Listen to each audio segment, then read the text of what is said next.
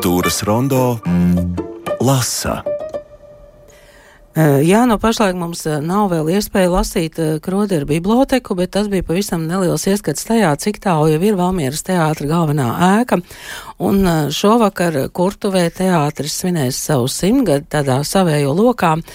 Visu pārējo par Valmieras teātri klausieties sestdien kultūras rondo. Bet šodien būs stāsts par filmu Hamleta sindroms, kurai šovakar vienu seansu kino bīzē, bet jau tūlīt ieskats prozas lasījumos, kuri notiks decembra sākumā, domājot par um, profesiju rakstnieks. Un šodien studijā ir Ilmārs Šlāpins. Labdien! Labdien! Un Osvalds Zebrs, labdien! Labdien! Es jūs varu uzrunāt par rakstniekiem? Lūdzu, jā. Var, jā, var. Jā. Paldies. Bet uh, jautājums profesija rakstnieks, um, kā jūs reflektējat par to vispār Latvijā ir profesija rakstnieks?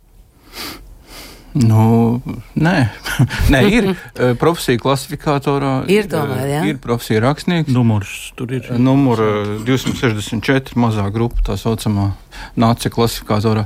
Vēl ir deviņi rakstnieki katru gadu uz gadu jo tie dabūja jaunradas stipendiju KKF. Bet tad gads beidzās. Beidzās un... gads, beidzās rakstnieks. Ne, tie tomēr ir stipendijā, tā nav, tā nav alga, tā ir stipendija.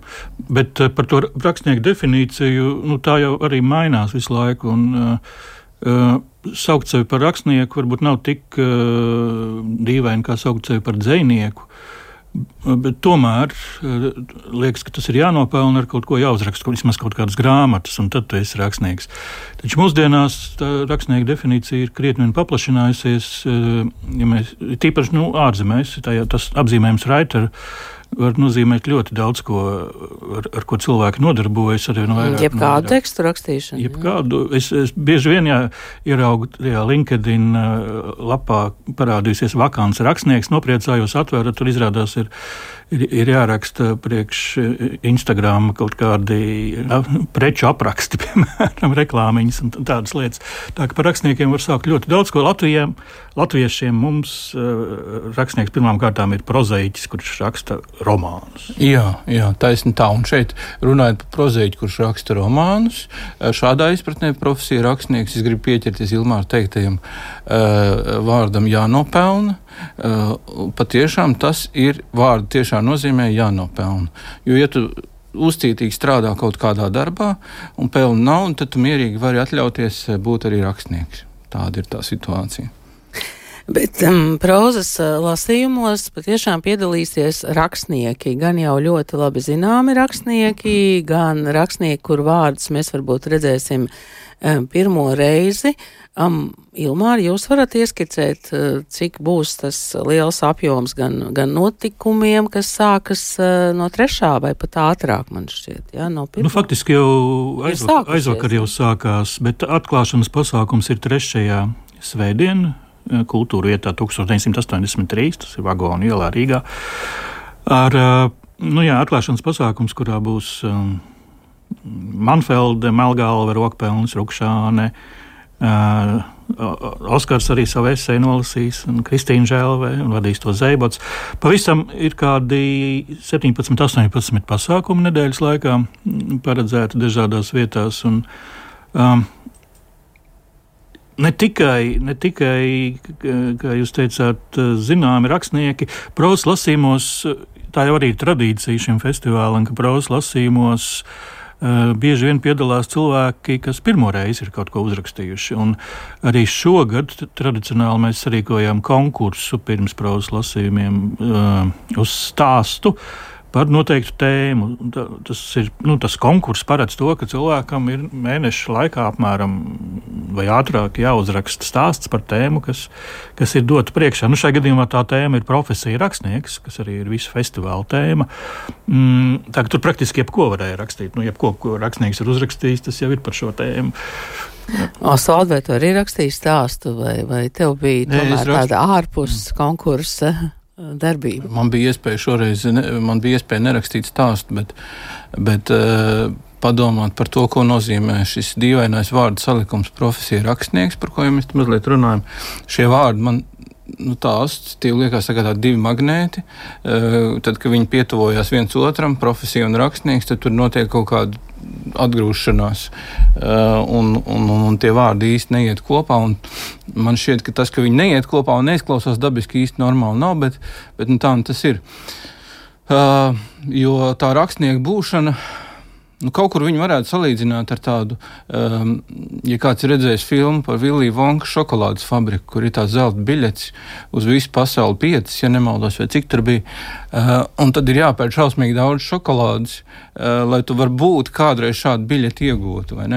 Bet vispār tādas biļetes ir. Nav tā, ka tas ir pilnīgi izdomāts. Tātad profesija rakstnieks arī šāds jēdziens ir. Un kaut kur dzīvo arī, piemēram, Stevens Kings, kurš ir profesija rakstnieks. Dzīves rakstnieks ar ļoti labiem, droši vien ienākumiem un tā tālāk. Bet šo biļešu ir ļoti maz. Un īstenībā, ja salīdzinām ar šīm šokolādēm, tad nu, tās šokolādes literatūrā ir diezgan dārgas. Viņas ir jānopelna ar, kā jau iepriekš teicu, kaut kādu citu darbu. Uh, Uh, un, jā, un varbūt tā biļete arī nekad neatnāk, bet nu, tad nav lemts. Vienkārši. Bet varbūt atnāk. Bet varbūt atnāk, jā. Prozas lasījumiem es saprotu, ka ir sava vēsture, savas tradīcijas, un droši vien arī kaut kas jauns nāk klāt. Kā Ilmāra var raksturot? Es tieši tagad brīdu uz, uz radio studiju pa, pa ielām sniegotajām un domāju, mēģināju atcerēties dažādus spilgtus prozas lasījumu notikumus un sapratu, ka ir leģendā, tas ir leģendārs festivāls, kur, kur mēs varam atcerēties, kā pirms 20 gadiem Andra Neiburga lasīja, kā sunī, nē, Andaluzijas, nu jā, Andaluzijas mm. viņa kafejnīcā. Stāstu, pēc kura bija stingzinošs klusums zālē, visi bija vienkārši uh, nu, saviļņoti vai Atceramies, eh, kā Pauls Bankovskis lasīja savu stāstu par krosu un visu stāstu lasīšanas laiku skrēja uz vietas. Mm, vai kā Jānis Rokpēns nolasīja prozas brokastīs uh, savu stukača grēksūdzu, un toreiz neviens pat nenojauta, ka to viņš visu par sevi, par to uh, čekas ziņotāju uh, traģēdiju.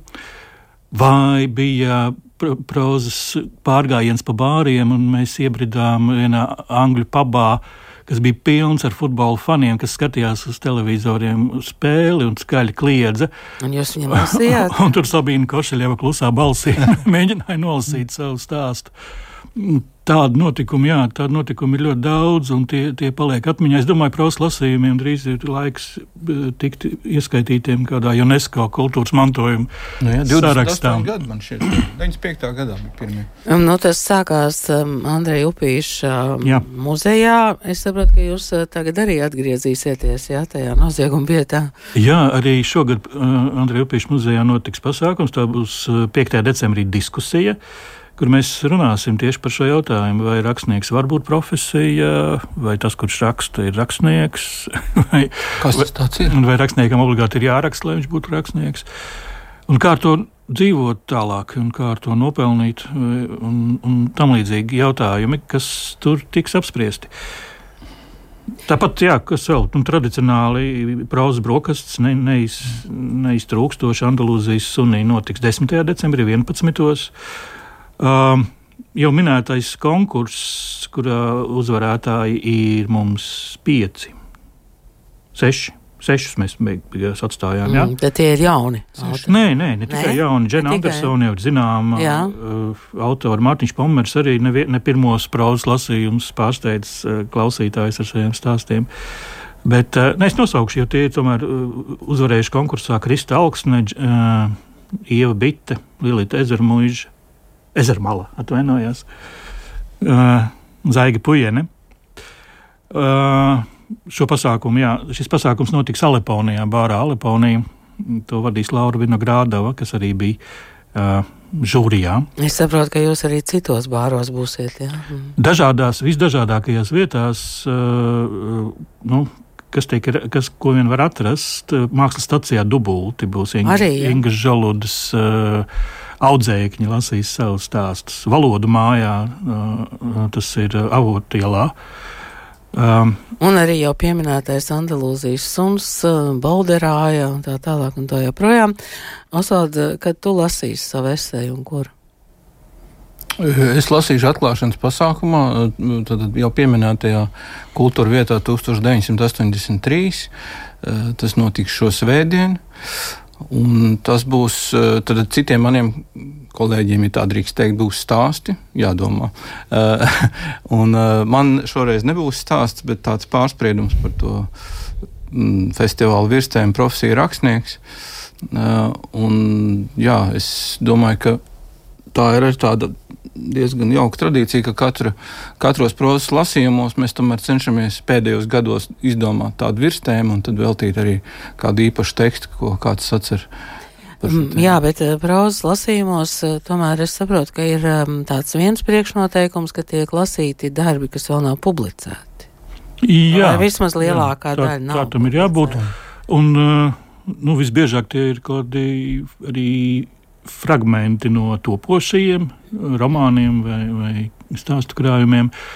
Bet ļoti daudzi uz prātas lasījumiem uzraksta kaut ko, nu, sagatavojas, saņemās un uzraksta vai izmanto to novembra mēnesi kā rakstīšanas mēnesi.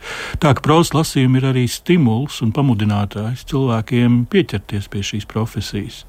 Un prozas lasījums, citu, ir arī ļoti interesanta pieredze eh, literatūras baudītājiem, šajā gadījumā klausītājiem.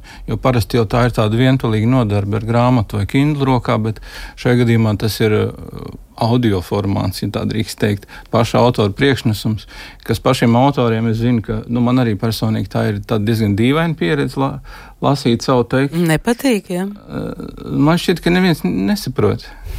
Ko es tur īsti gribu pateikt ar to? Nu jā, bet tad, jo, kad, kad, kad lasa grāmatā, man šķiet, ka cilvēks ir pašķirts atpakaļ. Tad jau jūs nezināt, kā viņš reaģē arī. Um. Nu, nezinu, jā, bet, bet, eh, bet klausītājiem droši vien, ka tas var, nu, vismaz es kā klausītājs esmu arī atceros dažus lasījumus, kas man bija tāda interesanta pieredze tieši nevis la lasītu tekstu, baudīt, bet klausīties to. Bet uh, par to saprāšanu tekstu, nu, vēl jau prozas lasījumiem ir tas brīnišķīgais, uh, brīnišķīga funkcija, ka tu lasi savu, piemēram, tekstu, ko tu esi uzrakstījis, un tev liekas, tur viss ir saprotami. Tu viņu lasi publikas priekšā, un tu redzi tajā tekstā, kur tur esi kaut ko kļūdījies, nepareizi salicis. Tu ne tikai redzi, man ir bijis tā, ka es lasot mainu, jo es jūtu, jā, ka nav rītīgi. Tā. tā kā tie, tas kā instruments prozas lasījuma palīdz arī autoram strādāt ar tekstu, saprast, vai tas teksts teksts kaut kam der, vai to vajag pārrakstīt pilnīgi. Mēs varam mazliet patestēt, kas ir tavā esejā. Protams, Jā, nu... visā, bet uh, vismaz kādu fragmentu, tad mēs ar Ilmāru reaģēsim, piemēram. Labi, sarunāts, jūs reaģējat, īpaši reaģējat brīdī, kad man vajadzētu beigt lasīt. Tad nosaukums, pārsprieduma nosaukums ir cilvēks upē. Būt rakstniekam Latvijā nozīmē būt amatniekam. Labā, protams, nozīmē, lai arī tezaurs saka, ka amatnieks ir gan cilvēks, kas nodarbojas ar kādu amatu, gan cilvēks, kas strādā zinātnē, mākslā un tam līdzīgi bez radošas ierosmes, arī bez talanta. Amatniecība taču var būt un arī ir talantīga būšana. Amatniecība literatūrā tā ir darbošanās sava prieka pēc, papildus esošajam maizes darbam, no darba brīvajā laikā, proti, kaut kādā laikā, kas paliek pāri. Tātad nevis darbs, bet talantīga pārpalikumu likšana lietā. Strādāt laika pārpalikumos nozīmē lēkāt no cīņa uz cīņu. No viena teksta pie nākamā, no teksta pie reklāmas, no teksta pie krimināla lietas, pie intervijas vai raksta žurnālam, stundu pasniegšanas, tulkošanas un citām šanām. Vai tas slikti? Nu, nē, slikti tas nav, jo lēkāšana liek asinīm riņķot, liek koncentrēties un būt formā, redzēt īsto pasauli. Var teikt, ka esam tāds eh, neformāls, talantīgu lēkātāju klubs. Ar lēkāšanu ir viena ķibele, tā nogurdina, un jo vairāk gadu pagājis lēkājot, jo zūd kāju atspērīgums, gadās misēkļi, amizanta paklupšana, gribas palikt ilgāk uz kādu no ciņiem, nelēkāt kādu brīdi nemaz, lai taču beidzot rūpīgāk izpētītu apkārtni. Klausos radio, kā akadēmiskās mūzikas cilvēki argumentēti pierāda, ka profesija ir apdraudēta, jo mūziķiem nākas meklēt papildu darbu ārpus orķestra. Lasu par teātra vēlmu slēgt ar aktieriem jauna veida terminētus darba līgumus. Tā tad tas ir iespējams. Tā patiešām notiek. Tepat mūsu kopīgajā mākslas ražošanas kombinātā ir cehi, kuros kāds oficiāli nofraktē nevis lēkāt no ciņu uz ciņu, bet taisīt mākslu. Rakstniekiem un citiem ārpus kolektīvajiem palikušajiem radošajiem. Nekad nav draudējuši ne terminēti, ne citu veidu līgumi. Mūsu vienīgās kaut cik oficiālās darba attiecības tiek kārtotas profesijām, pieredzēm un talantiem pārstāvošajā īstermiņa projektu žanrā. Il, Ilmār pietiks. Pietiks. Pietiks, jā. Tas sastāvs pārējo vēl. Mēs esam pietuvojušies jau tādai diezgan uh, traģiskai notī, vai ne, ka nav ne tāda, ne šitāda līguma, bet, nu, projekti tomēr ir. Uh, kamēr, uh, kamēr Osvalds lasīja, es atcerējos, ko man teica um, Raimonds Staprāns. Viņš teica, ka, lai rakstītu, vajag brīvu galvu. Kā tas sajiet kopā ar to lēkāšanu? Mm, no teksta uz tekstu, vai var, teiksim, parakstīt vienu stundu mm, es nezinu, tu parakstīji reklāmas tekstus, pēc tam tu ātri pārskrieni un stundu parakstīji savu romānu jauno nodeļu. Es domāju, ka jebkurš rakstnieks pirmām kārtām piekritīs apgalvojumam, ka nav iespējams visu laiku rakstīt, ka tad nu, var sajūgt prātā, ka vajag kaut ko citu padarīt. Un katram ir savi ieradumi un, un, un rituāli vai paņēmieni, kā to galvu attīrīt. Vai galdu, piemēram, man izklausījās, ka vajag brī, to tīru galdu. Mm, brīvu galdu, jā. Bet, uh, arī, un tā arī ir lieta, ko es esmu sev novērojis, ka es nevaru vairs parakstīt, man vajag notīrīt to galdu. Man vajag, nu, pavilkt laiku garumā, novākt netīros traukus, noslaucīt putekļus, uztaisīt tīru galdu un sākt atkal no nulles, un tad atkal var, var kaut ko izdarīt. Tā kā Nē, es domāju, ka tas, tas, ka ir dažādas profesijas un nāks piepelnīties vai pelnīt pamatdarbā un rakstīt pa vakariem un naktīm, tā nav gluži tāda traģēdija. Es domāju, ka tas vienmēr tā ir bijis. Un mūsdienās cilvēkiem vispār aizvien mazāk ir viena profesija. Cilvēki aizvien biežāk dara dažādas lietas vienlaicīgi. Vienalga, vai tās ir nopietnas vai nenopietnas lietas, vai viņi ir Instagram blogeri. Uh, un, un, un maizes cepēji vienlaicīgi, vai viņi ir taksometri šoferi un, un, un, un uh, podkāstu veidotāji, vai arī rakstnieki un skolotāji. Jā. Nu, Inga Žalota bija apkopojusi vismaz vienā, vienos vākos uh, šīs dažādās rakstniecības pieredzes. Osvalda literārajā akadēmijā, kā tu redzi, kas tur atnāk? Maizes cepēji, vidusskolnieki vai vidusskolnieces un uh, jau pusmūža cilvēki? Nu, es godīgi sakot, nemaz neprasu, kas šie cilvēki ir, bet uh, es domāju, droši vien, ka tur ir gan maizes cepēji, gan, gan vispārējie, tevis minētie un vēl daudz citi. Uh, Bet redz, ar to lēkāšanu ir tā, ka mm, no vienas puses, un es arī pats ilgus gadus biju pārliecināts, ka tas ir tikai motivējoši. Es esmu, piemēram, žurnālists, un es jau nopelnu to vienu dienu rakstīšanai, un es zinu, ka man vairāk laika cita nebūs, un tad man ir jāsaņemās un jāsagrupējās, un viss iepriekš jāizdomā, lai to laiku liederīgi iztērētu tam, ko es tur esmu iecerējis uzrakstīt ārpus žurnālistikas. Bet, um, jo laiks iet, jo es varu teikt, godīgi, tas paliek ar vien grūtāk tā lēkošana. Tāpēc es arī savā pārspriedumā rakstu par tiem ciņiem, pa kuriem lēkāt ir forši asins riņķo, bet tas ar laiku kļūst grūti. Gluži vienkārši tāpēc, ka pieminētā brīvā galva un brīvais galds um, prasa laiku arī, lai to galvu atbrīvotu. Tas nav tik vienkārši un ātri pārslēdzams, teiksim tā. Uh, man, es nezinu, kā ar citiem, man personīgi vismaz vajag vienu dienu nu, padzīvot domās ar savu topošo tekstu vai ideju. Un, nu, ļoti reti, kad ir šīs dažas brīvas dienas, uh, kuras tu var, vari veltīt šim procesam. Tāpēc es domāju, nu, tā nopietni runājot, ka tas. Um, Brīnišķīgais zelta vidusceļš, ko es redzētu kā mērķi, ir būtiski paplašināt to jau pieminēto stipendiju apjomu, līdzīgi kā tas ir Igaunijā, kur piešķir viņus trim gadiem, nevis vienu, un daudz vairāk cilvēkiem. Es domāju, ka tie trīs gadi, protams, ka tas nebūs pilns slodzes darbs, jo, kā Ilmārs saka, nu, es nevaru arī iedomāties cilvēku, kurš rakstītu no rīta līdz vakaram, kā jau saka, tādā visu laiku pārņemts literārā drudzī, ja, kratoties. Bet, uh, bet nu, varbūt puslaika darbs tas varētu būt. Nepilns slodzes darbs, vismaz uz šiem trim, teiksim, nosacīt gadiem. Tu pieminēji to nepieciešamību pēc vēl tukšās dienas pa vidu starp darbiem, un es atcerējos, es lasīju Andris Neiburgas dienas grāmatās, kas tiek gatavotas izdošanai. Uh, tur viņi minēja tieši to, nu, ka viņi, viņai tur ir ģimene, da, darbs, uh, divi, divi biroji, līgumi un tam līdzīgi. Viņai kāds palūdza uzrakstīt stāstu, nu, ka viņi aizbrauks tagad uz tiem laukiem pie, pie sevis un tur uzrakstīs. Nu, viņi, viņi raksta, ko viņi iedomājas. Man vajag desmit dienas vismaz, lai es trīs dienas, lai attietu, tad trīs dienas, lai uh, neko nedarītu, un tad es varu tikai sākt rakstīt kaut ko, nu, literatūru kaut kādu. Tā ka tur vajag arī to brīvo laiku, ne, ne tikai. Jā, es saprotu, ka par uh, visiem uh, šiem dažādajiem aspektiem runās uh, rakstnieki prozas lasījumos, kuri faktiski jau ir sākušies, bet vispār pilnīgi oficiāli būs no 3. līdz um, 12. decembrim. Es saprotu, ka vislabāk atrast to savu notikumu un to vietu ir mājaslapā prozas lasījumi, un tad jau tur var atrast gan apskatīties, kas piedalās, gan kurā vietā, un atrast arī tā tās, tās jaunās vietas. Um, bet um, ārpus prozas lasījumiem šajās dienās mēs uh, saņēmām arī ziņu par to, uh, ka tiek aicināti pieteikt uh, kandidātus Normunda Naumaņa balvai. Ilmār, vai tā ir tāda mm, parasta mm, prakse aicināt pieteikt?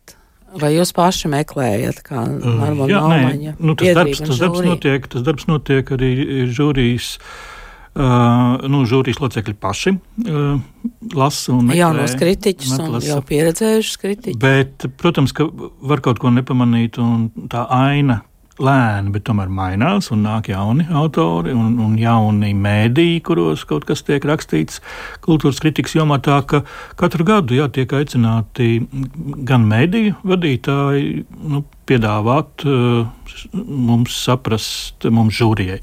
Es esmu žūrijas. Uh, loceklis šajā gadījumā, nu, kas, kam būtu jāpievērš uzmanība, un jaunos autorus, jaunos autorus kultūras kritikā mēs arī cenšamies ieraudzīt katru gadu un atzīmēt. Jau ir nolikts datums, 8. janvāris nākamgad. Jaunā Rīgas teātris telpās, vēl joprojām miera ielā būs balvas pasniegšana neatkarīgi no tā, kas, kas, kas notiks. Jā, bet uh, tie pieteikumi ir jāiesūta līdz 8. decembrim. Jā, kā... jā tas laiks ir īss, bet nu, mm, saņemieties, kultūras kritiķi.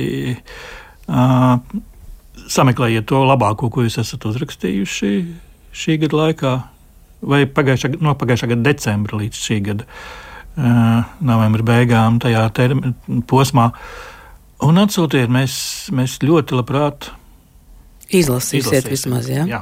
Tātad eh, Normunda Naumaņa biedrība un um, balvas žūrija gaida kandidātu pieteikšanu līdz 8. decembrim. Tātad um, um, pieteikumi gada balvai mākslas kritikā un jaunā kritiķa veicināšanas balvai. Paldies Ilmēram Šlāpinam un Osvaldam Zebrim. Tad uh, tiekamies uh, tajos prozas notikumos, turpinot uh, reflektēt par stāstu profesiju rakstnieks.